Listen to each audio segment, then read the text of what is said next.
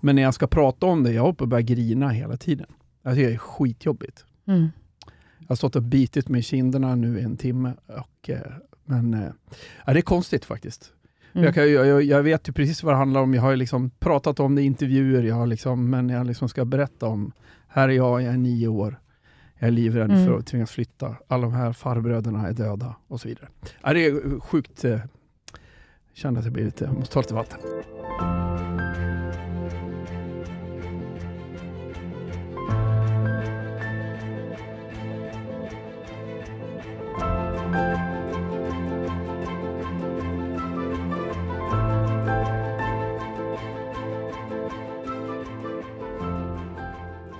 Men hela samhället visste redan vad det gällde. Stålverket skulle läggas ned. Och kommentarerna var korta åtminstone bland de ungdomar vi träffade vid en bensinstation igår kväll. Vi flyttar, sa man. Det som man fruktat mest av allt hade alltså inträffat. Horndalverken, en 50-årig epok, går i grav. Det är bedrövligt. Ja. Vad ska man hitta på nu då? finns ingenting att göra.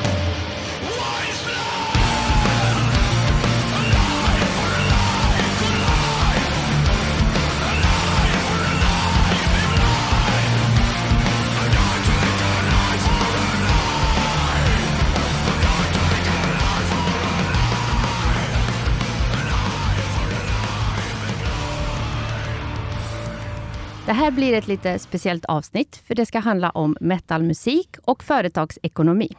Och med mig här idag sitter Magnus Hansson, docent i företagsekonomi här vid Örebro universitet och Henrik Levan, sångare och gitarrist i metalbandet Horndal. Välkomna hit Henrik och Magnus. Tack! Tack. Tack! Vad kul att ni är här. Väldigt kul. Ja. Mm. Berätta nu, vi måste börja med det här. Hur kommer det sig att ni sitter här tillsammans? Mm. Varför gör vi det? Ja, börja du Henrik. Ja, det är väl ölens fel, hör jag på att säga. Eh, Men vi var och spelade här i Örebro i höstas en sväng på, vad hette stället? På Frimis. Jag tror Frimis var det, Ja, jättefint. Jättefint ställe. Eh, och eh, där träffade jag Magnus på en närliggande bar och efter några öl så förstod vi att vi egentligen jobbade med samma sak, vilket kan låta udda. Mm. Men eh, faktum att vi snudd på har gjort det och gör. Kan du berätta lite om bandet Horndal? Det är Mm. du och din bror. Och Jag, jag och min bror och eh, eh, två eh, snubbar till som heter Fredrik Boetius och Daniel Ekeroth. Eh, och jag och min bror kommer från Horndal. Och Horndal är en by som ligger i södra Dalarna som eh, en gång i tiden hade ett järnbruk som la ner 1977 och eh, det är det som vår musik handlar om. Det gick från att vara en blomstrande bygd till att vara mer av en spökstad. Magnus, hur hänger det här ihop med företagsekonomi? Ja, på många och, och intressanta sätt. Jag har ju i min tidigare forskning studerat just företagsnedläggningar och vad som händer i samband med att man fattar beslut om nedläggning och inte sällan har jag också varit ute och på olika bruk och i mindre samhällen och eh, då tycker jag ju att det finns ganska många kopplingar, mycket utifrån det som Henrik och bandet sjunger och spelar om och eh, det som jag själv har forskat om. Men hur var det att växa upp i Horndal? Kan du berätta lite om Mm. det? Det var toppen var det faktiskt. Eh, minus eh, den ständiga eh, oron och rädslan som eh, jag minns att jag hade av att kanske tvingas flytta därifrån. Eh, jag vet inte vilken upplevelse ni har, men att eh, rädslan av att eh, behöva lämna det som var den trygga punkten i tillvaron var eh, någonting som jag har burit med mig eh, sen dess. Eh, så. Eh, nej men det, det var ju en, en, en liten idyll med eh, 2000 personers eh, by. Med eh, butiker och fanns liksom skomakare och eh, konditorier och, och en massa kul saker att göra som, som liten. Eh, men i och med att bruket la ner när jag var sju, åtta år så förändrades ju allt det här. Skolan blev mindre, alltså folk flyttade, det kompisar som fick lämna, lämna det pappa jobbade. Fick du och din familj också flytta i samband? Mina föräldrar var lärare. Eh, och, eh, så de, eh, min pappa eh, fick behålla jobbet men min mor fick eh, byta och så hon satt och körde bil. Vi bodde kvar tills jag var 18 ungefär, då jag flyttade hemifrån. Eh, men innan, innan det så fick hon redan när jag var typ 10 börja pendla, heter det. Mm. Mm. Kan du berätta om Horndal idag? Mm. Alltså, sen alltså, över 80 och 90-talet och så, så har ju det stora industriområdet som finns där är, är ju något av en, eh, en, ruin och en spökig plats. Det finns några industrier som har flyttat in där, men det är ju inte alls lika många arbetstillfällen där idag.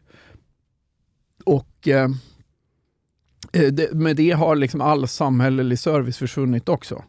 Det finns inte posten, det finns en matbutik. Det, fin det finns egentligen en matbutik, en korv, en pizza är det. och en loppis. Mm.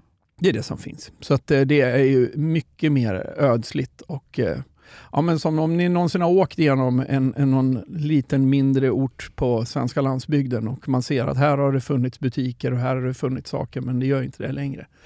Så ser det ut. Mm. Magnus, har du också sett att det är precis det här som händer när ett företag lägger ner i ett litet samhälle? Jo, men absolut. Och det, det, finns ju många bruksorter i Sverige som har blivit mer eller mindre spökstäder. Eh, nu har inte jag varit ute i jättemånga och st gjort studier där, utan kanske i andra regioner där man fortfarande haft ett omgivande samhälle och andra typer av eh, företag som också har funnits kvar efter det att man kanske har lagt ner. Men visst, det som Henrik beskriver är ju väldigt tydligt. Eh, även i vårt närområde runt Örebro finns det ju mindre samhällen som tidigare haft bruk, men som har Häll, blivit... Hällefors är inte så långt härifrån va? Nej, Hällefors ja, är ett, ja. eh, absolut. Ja. Eh, finns det några fler? Absolut. Nu, nu, nu tar oss på sängen. Här skulle vi ha en hel lista, men eh, det finns eh, kolossalt eh, många. Ja. Man kan lyssna på eh, Vänta, ja, ja, jag, jag har en lista för att det, det är faktiskt en hel vers i en, Horndal-låt. Nej men gud, får vi höra nu? Uh, får, ni kan väl spela upp den då? Och här klipper vi in låten Ror.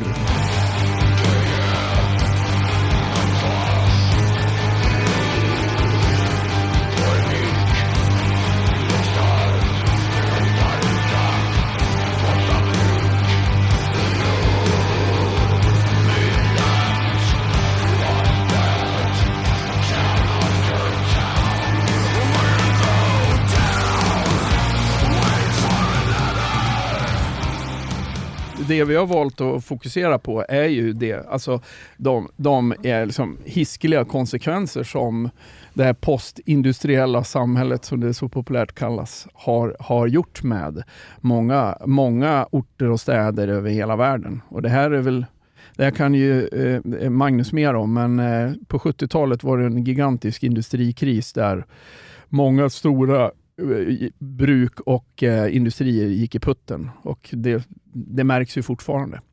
Vi får ju mm, liksom mail och eh, liksom kommentarer i sociala medier av folk från hela jorden. Eh, så. Hej, jag är från Nya Zeeland och vi hade en, gruva här, den är nedlagd. Och det, och mycket från Rust Belts i USA och Midlands eh, England. Eh, så. Där det ser likadant ut. Mm. Ror, som sagt också. Ror. Mm. Men hur kommer det sig att ni i bandet brinner så starkt för de här frågorna?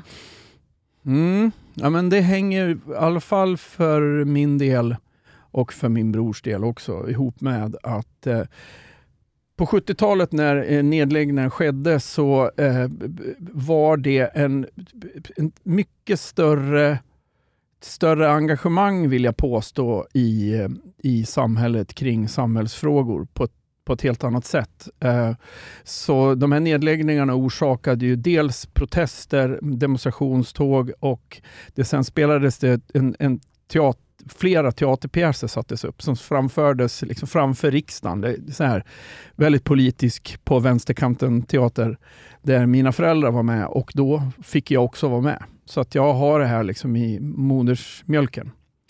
Eh, och de här protesterna och det som det, ja, jag menar, det hjälpte ju inte.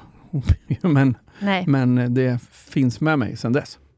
Men försöker ni ändå på något sätt påverka utvecklingen och kanske framtiden av... Vi är ju Lite inga, liksom, vi är ju inga industriutvecklare eller jobbar på näringsdepartementet. Det är inte vår roll.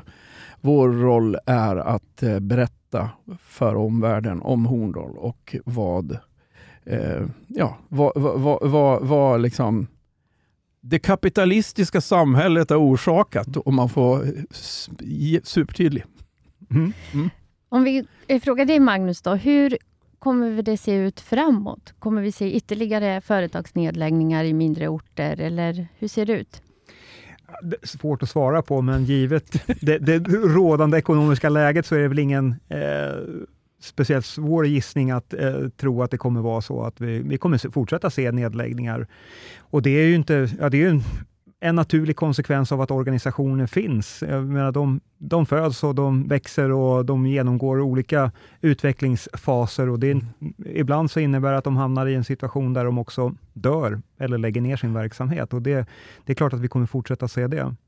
Jag tänker det är intressant, eh, Magnus, med tanke på din forskning och allt du kan. Men eh, eh på 70-talet så var det ju, det var ju vad ska lågkvalificerade arbeten som försvann, som eh, upphörde eller flyttade till, till låglöneländer. Men det ser vi ju redan nu att eh, det är ju, alltså, våra generation har ju liksom haft med, om man skaffar sig en akademisk utbildning så är man ju bra trygg ändå. Men det, det kan man ju ta och glömma.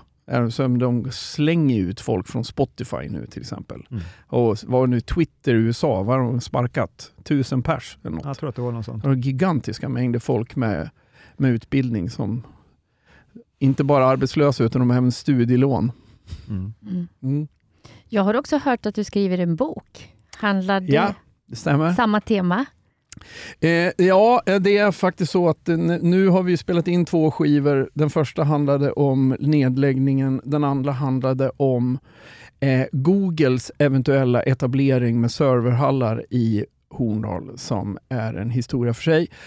Inför tredje Var är den nu i processen? Eh, det är ingen som vet. Nej. Nej, eller så här, processen är att Google ska, man väntar på att Google ska pysa ut sån här vit rök ur en skorsten där det står att de har tagit ett investeringsbeslut. Det har de ännu inte gjort. Men de har köpt Du, marken. tänker, du tänker lite grann eh, Som när man ska välja påve? Vatikanen och Ja. det kommer en ny påve snart. Ja, Ja. ja. exakt. Eh, det, nej, utan eh, ingen vet. De har ju skövlat all skog på marken och skapat ett, eh, ett faktiskt helt regelvidrigt eh, kalhygge eh, i granne med byn. Och eh, där står det bara och har stått i fem år. så. Det ingen vet. Nej.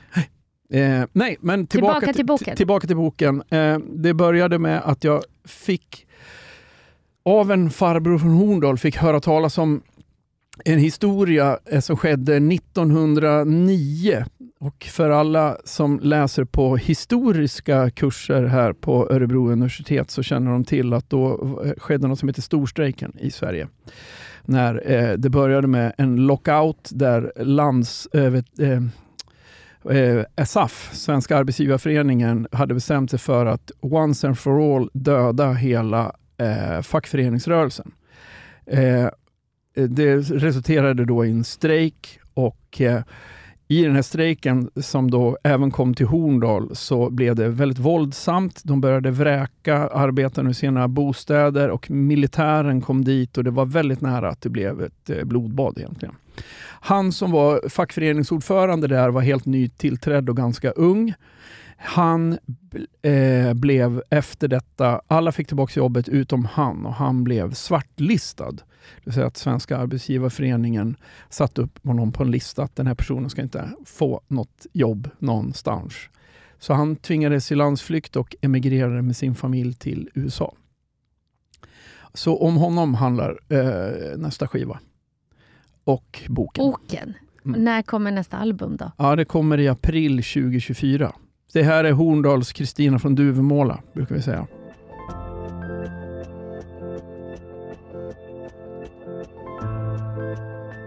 Den här serverhallarna, då, det kan inte innebära nya arbetstillfällen eller? Jo, ja, jo, men det kan det. Men eh, om man bara tar och kikar på hur det har gått med serverhallsprojekten för till exempel Facebook i Luleå. Där de hade ju jätteförhoppning om att det här blir hundratals arbeten. Jag tror det är 17 personer som jobbar där. Eh, och det är väldigt mycket automatiserade grejer. Det kommer vara en hel del jobb när de väl ska bygga de här eh, serverhallarna. Men då kan man räkna med att det kommer att stå tjogvis med husvagnar med hantverkare på traktamente. Som, det kommer ju vara en, det är inte dåligt med serverhallarna, inte alls, om de blir av, men det är ingen som vet. Nej, men det dåliga är väl om man då eh, tänker att man skulle använda sjön Rossen då, som ligger mm. i Horndal som kylmedium till de här eh, serverhallarna och ja. förstöra hela biosfären. Ja, det är, miljö, det är miljö, inte katastrof, men det, det påverkar miljön väldigt negativt. Uh, det, skivan vi gjorde heter Lake Drinker, apropå att de ville suga upp vattnet och använda som kylmedia. Uh, ja, nej, det är mycket sådana miljökonsekvenser som uh, inte, man inte vet så mycket om.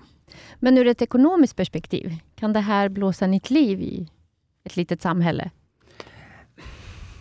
Svårt att säga, men det, jag, jag, tror inte att det kommer leda till så jättestora förändringar.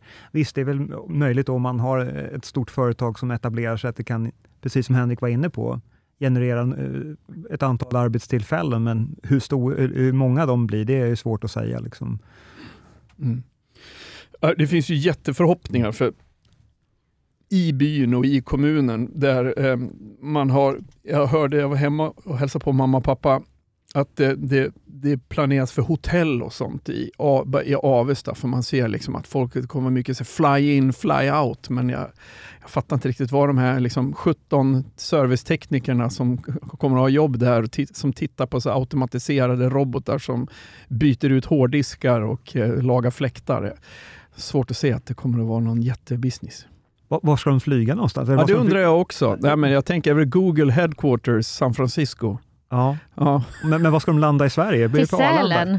Ja, ja, det blir Arlanda. Ja, det blir Arlanda. Ja. Och så buss därifrån. Ja, exakt. Men du är ju sångare i bandet. Mm du är snart författare, mm. du är lärare. Är du historielärare? Kanske? Nej, Nej, alltså faktum att jag eh, är inte lärare längre. Det, det, jag Nej. tillhör en skara människor som jag förstått är ganska stor. Sådana som börjar jobba som lärare och sen så kommer man på att man vill göra någonting annat. Jag jobbade i fem år ute i Tensta som musiklärare och eh, sen har jag jobbat med lite olika saker. Jag skriver en del alltså kommersiell text, men numera jobbar jag faktiskt med det här som vi gör här. Jag är producent för en podd som heter Bygga åt idioter, där vi mm. låter hantverkare snacka skit om sina kunder istället för tvärtom. Väldigt populär faktiskt. Ja, vad roligt. Det måste ja. vi lyssna på. Men okej, okay, du är ju i alla fall lärare, gästlärare nu. Ja, det är en kurs som heter Management, ledarskap och organisering. Jajamän. Som mm. du, Magnus, är ansvarig för. Ja.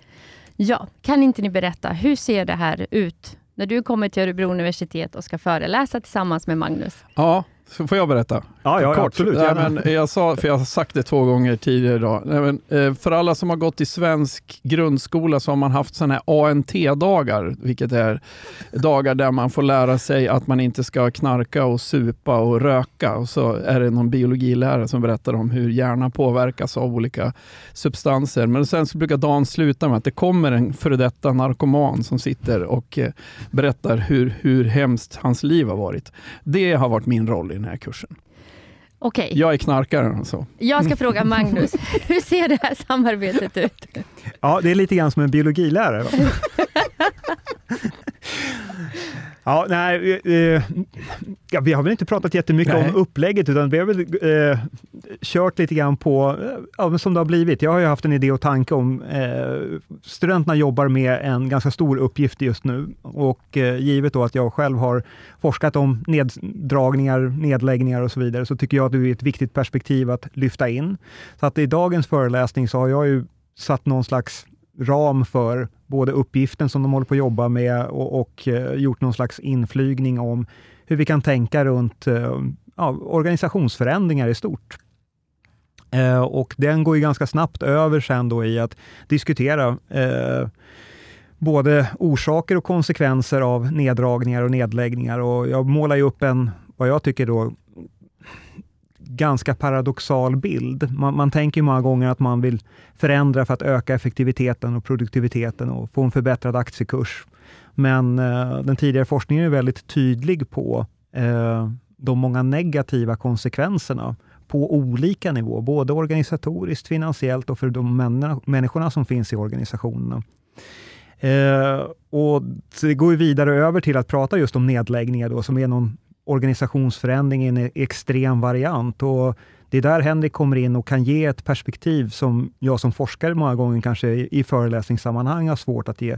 Ge röster åt de här människorna som drabbas av en nedläggning. Och Det tycker jag blir en otroligt viktig pedagogisk del i en föreläsning och, och, som skapar förutsättningar för en annan typ av lärande. Och med tanke på att studenterna också innan föreläsningen fått läsa texterna, lyssna på musiken, se på videos, läsa artiklar om, eh, om bandet och, och den musiken, så, så, tror jag att de också får en väldigt bred bild av vad det kan innebära. För de sitter ju många gånger och både läser litteratur som säger att ja, men ledarskap är viktigt utifrån det här, det är viktigt att styra och det är viktigt att ha mål. Och sen så utmanar vi dem i det ganska hårt och ifrågasätter alla de här för givet tagna uppfattningarna om, om att driva företag. Och Då tror jag att det blir otroligt viktigt att, som Henrik då kommer in och berättar, och, och även visar bilder på människor, riktiga människor av kött mm. och blod, liksom, som jag tror studenterna har svårt att både förstå och eh, ha känsla för innan man hör och ser det. Och Det är lite grann som när vi, när vi har tittat på Horndal kyrkogård, som är en, den sista låten på första skivan, mm. som jag tycker är en helt fantastisk låt, som egentligen är, är bara sångtexten är en massa namn mm. på människor som ligger på Horndal kyrkogård. Och så visar man bilder på de här, då får man ju se de här människorna. Och det är som, för att koppla då till andra skivan, det enda som växer i de här byarna är ja. kyrkogårdarna. Mm. Ja, det är Va? så. Vad har ni fått för respons från studenterna? Eh, väldigt positiv respons. Eh, kommer för, första gången vi körde föreläsning så var det en student som sa, jag har aldrig varit så koncentrerad på en föreläsning som den här. Och idag fick vi också väldigt positiv feedback, att man tycker att det är spännande, intressant, man lär sig saker som man inte hade en aning om tidigare. Och att det finns ett engagemang både från mig och Henrik som, som man verkligen uppskattar och gillar. Mm. Du har ju fått många nya fans förstår jag, idag. Vet du, det tror jag kanske inte. Utan, eh, eh, det är ju så här att eh, den här genren av musik är ju, förutom att den är smal, så är den ju eh, den riktar sig till en aningens äldre riktar sig gör det inte, men om man säger sig kids idag, för de är ju kids, studenterna måste man säga. Mm. De lyssnar inte på hårdrock. Mm. Nej, det gör de inte. Nej, men jag tycker det har varit skitkul. Jag har upptäckt en sak med mig själv kring det här eh, att eh, alla låtar, alla texter, allting som vi gör med Horndal är, är sprunget ur, som jag och Pontus brukar säga, musik ska byggas utav vrede. Eh, som är en känsla som, som jag tror går fram en aning i, i, i det. Men när jag ska prata om det, jag uppe och börjar grina hela tiden. Jag tycker det är skitjobbigt. Mm. Jag har stått och bitit mig i kinderna nu i en timme. Och, eh, men eh, ja, det är konstigt faktiskt. Mm. Jag, kan, jag, jag, vet ju precis vad det handlar om. Jag har liksom pratat om det i intervjuer, jag har liksom, men jag liksom ska berätta om, här är jag, jag är nio år. Jag är livrädd mm. för att tvingas flytta. Alla de här farbröderna är döda och så vidare. Ja, det är sjukt. Eh, kände att jag blir lite, jag måste ta lite vatten. Ja. Nej, men, jag, jag kan känna samma sak. Att för mig blir det också ett engagemang och, och en känsla. Alltså jag, när du pratar idag på föreläsningen, jag är gåshud och jag känner också att man får en klump i halsen. Att det, det är frågor som, som engagerar på riktigt. Mm. Som är viktiga på riktigt. Det är härligt om de, för det här är ju framtidens företagsledare som jag pratat med idag, ja. kanske, att de har med sig det när de ska sitta och osthyvla bort lite folk på någon avdelning någonstans. Mm. Mm. Mm. Ja, verkligen. Så man kan faktiskt lära sig företagsekonomi med hjälp av hårdrocksmusik? Ja, absolut, och man kan lära sig företagsekonomi på många och olika sätt, men jag, jag tycker att det, man måste också som lärare våga ifrågasätta det man gör och våga göra nya saker. Och, och du har ju ett särskilt intresse för pedagogik och du är också pedagogisk utvecklare här vid Örebro universitet och du har vunnit det pedagogiska priset, inte bara en gång utan två gånger. Ja. Så jag förstår att du har det intresset. Ja, jo, så är det ju. Eh, och, och, kanske var det så att jag begick något slags karriäristiskt självmord, apropå död och elände, eh, när jag faktiskt för, ja, nu är det väl en fem, sex år sedan, bestämde mig att äh, men jag vill satsa på, jag vill jobba mer med pedagogik och, och lägga min tid och mitt fokus där. Eh, och inte lägga lika mycket tid och, och, fokus på att forska inom företagsekonomi. Och för mig har det varit ett jättelyft. Jag tycker det har blivit så himla kul. Jag är ju skitroligt på jobbet. Mm. Och studenterna har roligt. De verkar ha roligt. Ja, jag hoppas det och jag tror att det är viktigt också att både de ser och känner och, och själva också tycker att det är roligt. Eh, för att jag tror att tycker man att det är kul, man märker att det är någon som är engagerad, man får möjlighet att garva och ha igenkänning, men också ett engagemang, då tror jag att man lär sig oändligt mycket mer. Mm. Eh, att tänka runt pedagogik och att använda sig av associativa element, som jag kommer att välja att mm. kalla det, mm. med finare ord. Eh, det tror jag är viktigt, för att vi tänker nog ofta väldigt mycket en lärarcentrerad pedagogik, där jag ska föreläsa, eller om man leker med det ordet, att läsa före, stå och berätta. Då är det liksom någon jävla föreställning med en skådespelare på scen och massa passiva eh, åhörare då, som sitter i 2 gånger 45 minuter. Men jag tror att om man börjar jobba med ljud, ljus, bild ja, och i det här fallet musik, så kan vi också skapa andra typer av sätt att lära sig på och att använda sig och att de har ett pedagogiskt syfte med associativa element. Det tror jag är en, jätteintressant sak som jag själv vill utveckla mycket mer av, men som jag tror är en viktig, eh, viktig del för att också nå fram till studenter. Mm.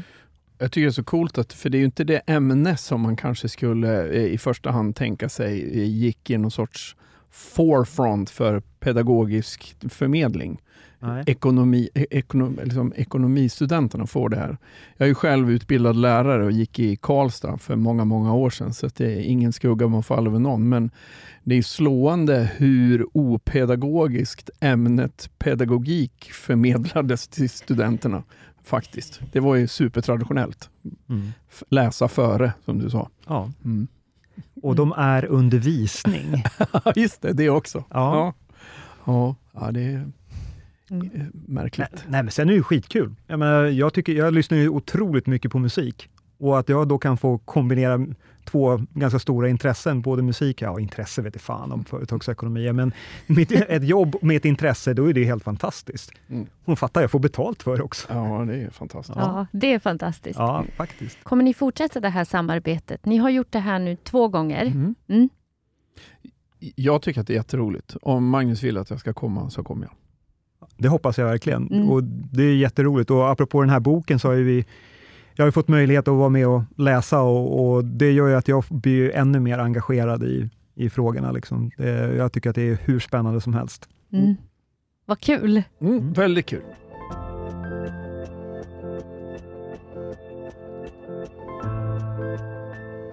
Du bor ju inte kvar i Horndal Nej. idag. Nej. Eh, kan du tänka dig att flytta tillbaka någon gång? Alltså, jag har ju familj som har rotat sig i Stockholm. Eh, så det eh, tror jag kanske, så länge som jag har barn hemma. Men, äh, men så här, eh, jag har en Hemnet-sökning på hus och sommarhus i, i Horndalsområdet eh, som jag prenumererar på. Och eh, nu är alltså, just nu, det är inte riktigt läge ekonomiskt för mig, men gamla banken som byggd 1900 är till salu. Den kostar 5 miljoner. Så att det, det, men sån där typen av fina gamla hus håller jag på att kika på. Eh, men så, och det, det, det, så kan det nog bli. Vi pratar om det, jag och min fru, ganska ofta. Mm. Mm. Har du kvar många vänner och bekanta i Horndal? Eh, jag har två som bor kvar. Tre. Tre, tre från min klass som bor kvar. En jobbar i gruva, en jobbar på järnverket i Avesta och en är kulturarbetare faktiskt. Mm. Det är inte så vanligt. Nej, eh, så det, det, är många som har flyttat. Det är ju så. Mm. Mm. När startade ni bandet? Det var en eh, rolig slump. Alltså min bror är ju 12 år yngre än jag. Eh, jag har lärt honom allt jag kan och allt han har lärt sig av mig har han blivit mycket bättre på än, än jag. Eh, så när han, han gick musikgymnasium och blev medlem, en lång historia men jag ska ta den kort. Han blev, liksom engager- han, han blev medlem i ett band som turnerade i Kanada när han var 16, spelade trummor. Och sen dess har han levt som musiker i en massa år. Eh, och, men vi har ändå alltid pratat om, jag har alltid velat spela med honom, han har liksom aldrig riktigt haft tid för mig. Men plötsligt så, så dök vi på den här historien, eh, mindes tillbaks till det här och började skriva låtar om det. Och Pontus kontaktade på vinst och förlust. Det finns en producent i Chicago som heter Steve Albini som alla som gillar Nirvana vet vem det är. Han producerade deras sista skiva och han har jobbat med Iggy Pop och sådär. Eh, vi bara kollade med honom lite snabbt om, om det fanns tid i hans studio. Vi kollade, och, eh, för det var inte så dyrt nämligen. Eh, och nej, det är bokat ett helt år framåt. Så var okej då. Och sen så svarade han plötsligt att nu har jag fått ett, ett avhopp så jag har tid om två månader. Och vi hade ju knappt gjort några låtar så vi fick ju panik. Det var 2017. Då åkte vi till Chicago och Okej. spelade in de första tre låtarna där. Men ni skriver er musik och alla låtar själva? Mm. Pontus gör musiken, jag sitter och eh, SO-lärar mig igenom en massa arkiv och skriver texter. Ja, Mm. Vad kul. Mhm. Men ni har ju också värld, vi måste, en take som är väldigt, tycker jag är väldigt bra i det här, som du har sagt vid flera gånger. Ni har ju världens bästa metalhistoria att berätta. Ni behöver ju inte sjunga om drakar och svärd. Nej, det är så himla skönt. Alltså, textmässigt, hårdrock har jag haft, eh, musiken har man alltid gillat, men texterna har varit sjukt löjliga ganska ofta. Så eh, det är ju ganska ovanligt att sjunga om eh, eh, järnbruksarbetare som har blivit av med jobbet. Men det är det vi gör. Lyssnar du på metal? Nu mer, ja. Ja, det började med Henrik. Ja, men faktiskt. Eh, så jag tror att ni kom faktiskt trea på min eh, Spotify-lista över mest lyssnade på. Det är bra. Ja, från att vara ganska inbiten Springsteen-fan och gått på en så här 23 konserter med Springsteen. Och, och så, äh, men jag har fått en helt ny genre att börja lyssna på. Eh, jättekul, jättebra faktiskt. Ja. Jag, jag lyssnar nästan inte alls på hårdrock. Jag lyssnar på jazz Mhm. mest. Mm. Men det är underbart att spela. Ja, men jag förstår det. Mm. Kommer ni till Örebro och spelar? Jättegärna. Just nu är vi inne i skivinspelningen av den här skivan, eh, våran Kristina från Duvemåla-skiva. Just det. Så att eh, i år blir det lite mer blygsamt med spelningen för att vi ska hinna klart. Men eh, eh, jättegärna 2024. Stort tack Henrik och Magnus för att ni var med oss här idag och lycka till med boken och musiken och forskningen och undervisningen. Tack snälla. Tack så mycket.